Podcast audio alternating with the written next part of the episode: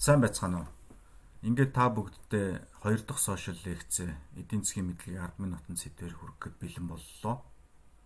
За эдийн засгийн мэдлэгийг 10 минутанд энэ сэдвүүдээр бид нэр хөгжлийн тухай ярьж байгаа. Бид нар баялагын тухай ярьж байгаа. Баялаг яаж бүтдгийг, за баялагыг яаж хуваарлдгийг, улс орон яаж хөгжиж дэвшдэг юм бэ гэдэг асуудлыг авч үзэж байгаа. За өнөөдрийн сошиал лекц маань компани яаж баялагийг бүтээдэг юм бэ гэдэг ийм сэдвээр үргэлжилж байна. За энэ сэдвээр ярихаас өмнө өмнөх буюу эхний сошиал лекцээр ярьсан одоо зүйлсийг бас сануулъя. За бид эхний лекцээр том эдийн засгтай улс гэж яг хэнийг хэлэх вэ? Баян улс гэж юу юм бэ? За дотоодын нийт бүтээгдэхүүн юунаас бүрддэг юм бэ? Яаж хэмждэг юм бэ? За баялагийг хэн бүтээдэг вэ? гэдэг ийм асуудлуудыг хөндөж ярилцсан. За ингээд баялаг гэдэг зүйл бол одоо компаниудын бүтээдэг гол бүтээл юм байна. За энэ компаниудын бүтээж байгаа бүтээгдэхүүнээр ерөөсөө улс орны эдийн засгийн хэмжээ хүн ардын амжиргааны түвшинг хэмжиж дэлхийн улс орнууд бие бинийгээ харьцуулж үздэг юм байна гэдгийг маш тодорхой ütсэн. За эцэст нь бид юу гэж дүгнсэн бэ гэхээр хүн төрөлхтөн сүүлийн 5 600 жилийн турш компанийг зохиож хөгжүүлж эдийн засгийн гол тулгуур багна болгож чадсан учраас дэлхий ердөө сүүлийн 200 жилд өмнөх 20 мянган жилд хүрээгүй юм өндөр хөгжил дэвшилт одоо очлоо гэдгийг харсан. Бидний эргэн тойронд байгаа бүх хөгжил дэвшлиг бол компани гэдэг энэ эдийн засгийн институт авчирдаг юм байна гэдгийг бол бид нар харсан. За мөн одоо үзэгч маань нэг зүйлийг ойлгосон баг аливаа улс орны ерөнхий сайд хүн улс орноо эдийн засгийн хувьд баян том болгоёг гэвэл юу анхаарах хэрэгтэй байна вэ? Хамгийн түрүүнд барьж авах асуудал бол компаниудаа анхаарч барьж авах хэрэгтэй. За тэгвэл ингээд өнөөдөр бид компани гэдэг чинь тэгвэл яаж бүтээгдэхүүнээ гаргадаг юм бэ? Баялагийг өөрөөр хэлбэл баялагийг яаж бүтээдэг юм бэ гэдгийг хэвэл авч үзье. За ингийн тулд бид нар бүтээмж гэдэг ойлголтыг авч үзэх хэрэгтэй. Аа Бүтээмж гэдэг бол компани бүтээгдэхүүнийг үйлдвэрлэн гаргаж байгаа процессыг нь хэлж байна гэж ойлгож байна. За жишээ авъя. Компани нэг цагт хичнээн бүтээгдэхүүнийг үйлдвэрлэн гаргаж байна вэ? За тэр бүтээгдэхүүн нь хэр зэрэг чанартай байна вэ гэдгээр бүтээмжийг хэмжиж байгаа. Тэгэхээр энэ жишээ авсан компанийн хувьд бол нэг цагт 3 бүтээгдэхүүн гаргадгаа гэж үзэл одоо энэ бол эргээд энэ компани өөрх нь бүтээмжийн асуудал болох нь. Компани бүтээмжээ сайжруулснаар нэг цагт дөрвөн бүтээгдэхүүн гаргаж болно. А эсвэл эсэргээр нөгөө гурван бүтээгдэхүүнээ илүү чанартайгаар гаргаж болно. Тэгэхээр бүтээмж гэдэг маань тоо болон чанарын ийм хоёр хэмжигдэхүүн дээр тодорхойлогддог ийм хэмжигдэхүүн ойлголт байна. За мэдээж хүн төрөлхтний маш олон одоо эвлэл нэгдлийн ийм хэлбэрүүд байж болно те. Овгийн байгуулалт ч гэдэг юм уу.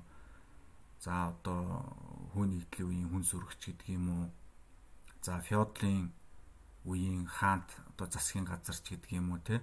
За социалист коммунист засгийн газар.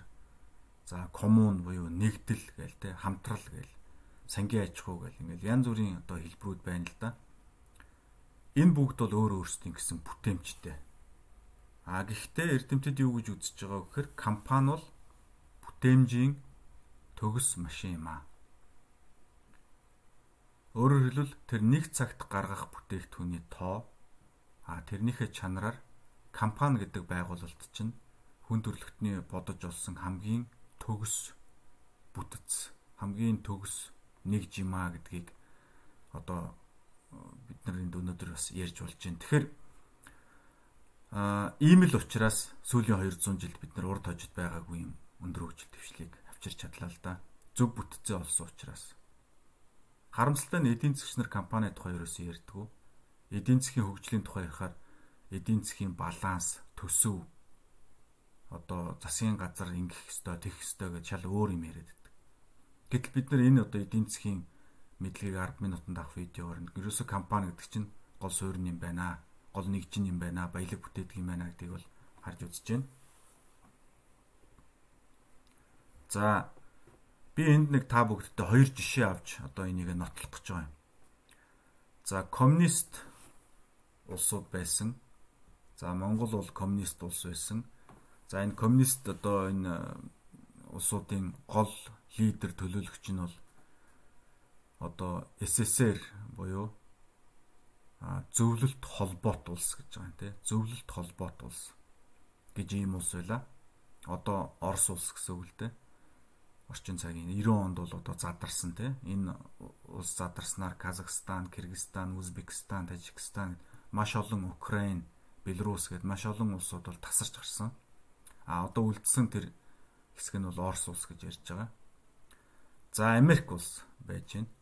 Тэгэхээр хүйтэн дайны жилүүд гэж ярьдаг 1950, 60, 70, 80-ад онуудад бол энэ коммунизм дийлхүү а ардчлал дийлхүү төвлөрсөн төлөвлөгөөт эдийн засгийн коммунист одоо энэ эдийн засгийн зохион байгуулалт дийлхүү а чөлөөт зах зээл буюу компани дээр суурилсан энэ эдийн засгийн байгуулалт дийлхүү гэдэг ийм ширүүн өрсөлдөөн бол явсан. Тэгээ энэний үр дүнгээр бол хүмүүс сансарт ниссэн, саран дээр буусан за одоо янз янзын шинэ зүйл зохион бүтээсэн ерөөсө коммунист лагер ардчилсан лагер хоёр бол хоорондоо өрсөлдсөн юм одоо хүнд он жилүүд байсан. Бие биеэрээ бол цөмийн буужин онилсан байсан. Энийг бас та бүгд бас зарим нь мэдж байгаа. За тэгэд эцсийн эцэст 1990 онд яагаад коммунист лагер дампуурлаар төгсөж нуруу унваа. Монгол одоо энэ дунд нь бас нуруу унсан шүү дээ. Та бүгд санаж байгаа бол Монгол бол нуруу унсан. Ингээд картын бараанд очрлоод дэлгүүрт бараагүй бид нар золтол өлсөж өгөөгүй. Тэгээ юунаас болоод коммунист лагер нуруунж а Америкийн чөлөө зах зээлийн барууны тогтолцоо яланд илвэ гэдэг ийм асуудал гарч байна. Тэгэхээр коммунист одоо социалист эдийн засгийн зохион байгуулалт бол баялагийг хэн бүтээж исэн бэ гэхээр социалист төрөл бүрийн бригадууд аж ахуй нэгжүүд за хамтрлууд нэгдлүүд сангийн аж ахуйнууд бол баялагийг бүтээж исэн. Яагаад тэгэхээр компани гэдэг бол капитализмын үзэгдэл гэж буруу оншилсон Ленин, Карл Маркс хоёр ингээд компани гэдэг хувийн өмч буюу компани чөлөө зах зээл гэдэг ойлголтыг авч хайсан ийм цоошин нийгмийг бол байгуулсан. Энийг социализм, коммунизм гэж нэрлсэн. Ингээд энэ нь бол сүйрлэр төгссөн 70 жилийн дараа. За тэгэхээр яагаад байсан бэ гэхээр компани бүтээмжээрээ нөгөө социалист төрөл бүрийн баригадаас хамаагүй илүү байсан.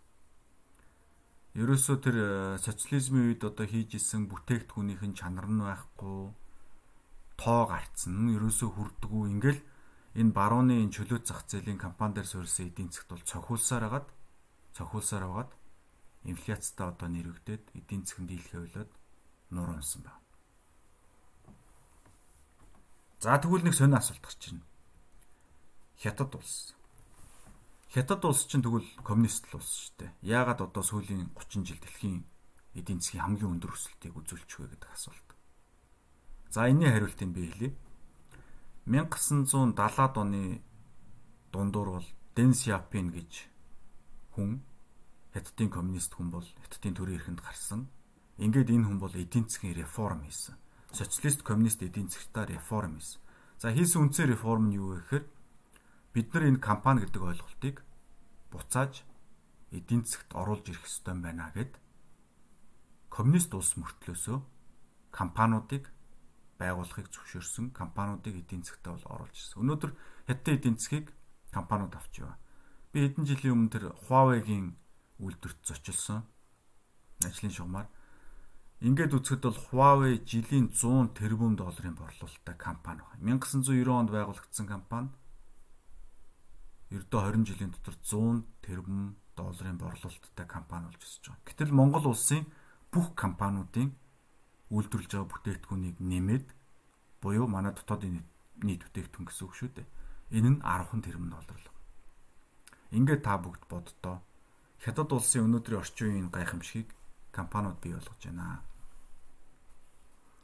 А тэгэхээр энэ компани гэдэг чинь өөрөө юу бахна вэ? Бүтээмжийн төгс машин учраас коммунист байна уу, социалист байна уу, феодал байна уу, ардчилсан байна уу нийгэмд хамааралгүй энэ компани л гэдэг зүйлийг ашиглах хэрэгтэй байна энийг л одоо бүтээмжийнхээ машин болгож ажилуулах хэрэгтэй байна гэдгийг эндээс та бүгд маань ойлгож байгаа.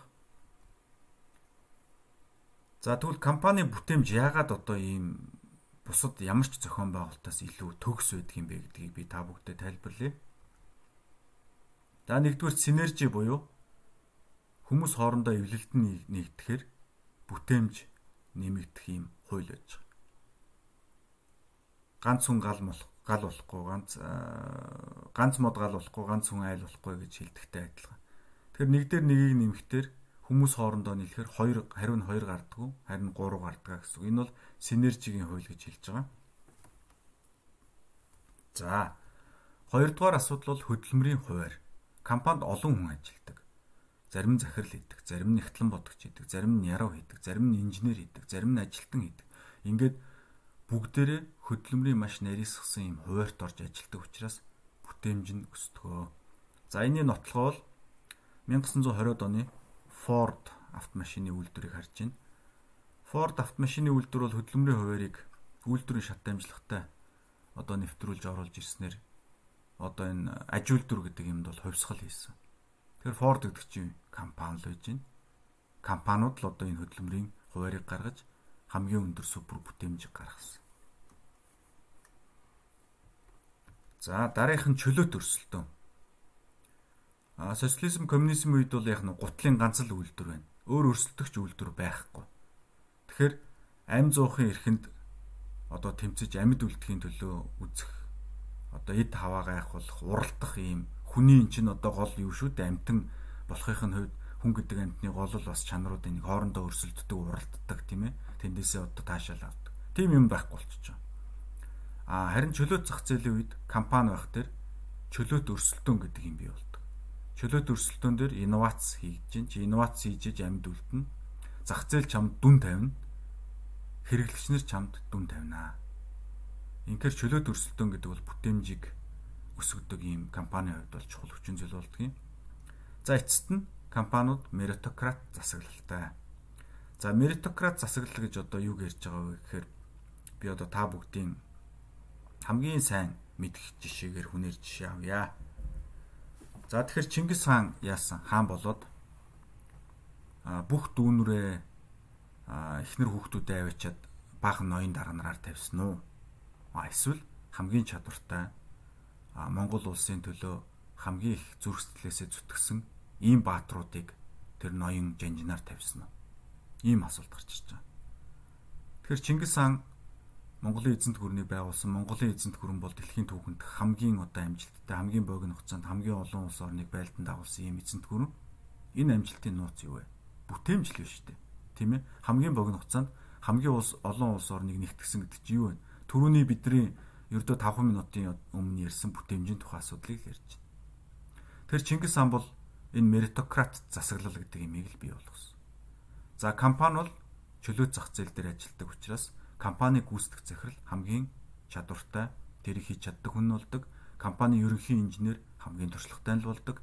Компани борлуулагч нар дундаас хэн ахлах борлуулагч болдог. Хамгийн сайн борлуулалт хийдэг нь л болдог. А гэтэл бид нар өнөөдөр төрийн өмчт Монголын компаниудыг харъя л да. Хэн захирлаар тавигддаг вэ? Ялсан намын ерөнхий сайдын найз танил дотны хүн. За, Монгол улсын их сургуулийг жишээ аваад ярил л да. Монгол улсын их сургуулийн ректор хэн болдгоо? хамгийн одоо тэр Монгол улсын их сургуулийг хөгжүүлэх чадвартай ийм хүн болдгоо эсвэл ялсан намын томилогдсон боловсролын сайдын дотны хүн болдгоо. Ерөөсөл ийм л асуудал. Яагаад Монгол улс хөгжихгүй байгаа вэ гэхээр манайх бол меритократ гэдэг энэ одоо арчсан нийгэм байдаг энэ засаглалаас бол ухраад их удаж байна. Манайх бол олигарх автократ гэж хэлж болох. Яг л тэр 90 оноос өмнөх коммунист те коммунист нам чинь яадаг вэ? Тэр аж ахуй нэгжүүд тэр гутлын үйлдвэр те тэр одоо хоршоодууд нэгдлүүд хамтрлууд тэрний дараагаар хэнийг тавих вэ? Хамгийн чадвартай хүнийг тавих уу? Тавихгүй шүү дээ. Тэр бол тэр коммунист намын Монгол ардын хувьсгалт тухайн үеийн намын хэн нэгэн даргын тухайд одоо дүүрэг хороо хариуцсан даргын үзэмж танил ийм хүнээр л тавьж. Одоо чин чой болсон хэнийг өөрийнхөө залгамжлагчаар томилсон бэ? Ингээл асуухад чинь ойлгомжтой болж байгаа. Тэгэхээр энэ компани гэдэг имийн бүтээмж хүн төрөлхтний бүтээмжийн төгс машин гэж би одоо хэлж байна л да. Энийг одоо нөхцөлдүүлж байгаа л хүчин зүйлсийг та бид нар ярьлаа. Энэ бол Монгол улсын ерөнхий сайд, үе үеийн ерөнхий сайд нарын зайлшгүй анхаарах, ойлгож авбалж одоо зохих юм 10 минутын мэдлэг байла. Ингээд та бүгдээ амжилт хүсье. Дараагийнхаа сошиал лекцээр уулзцаая.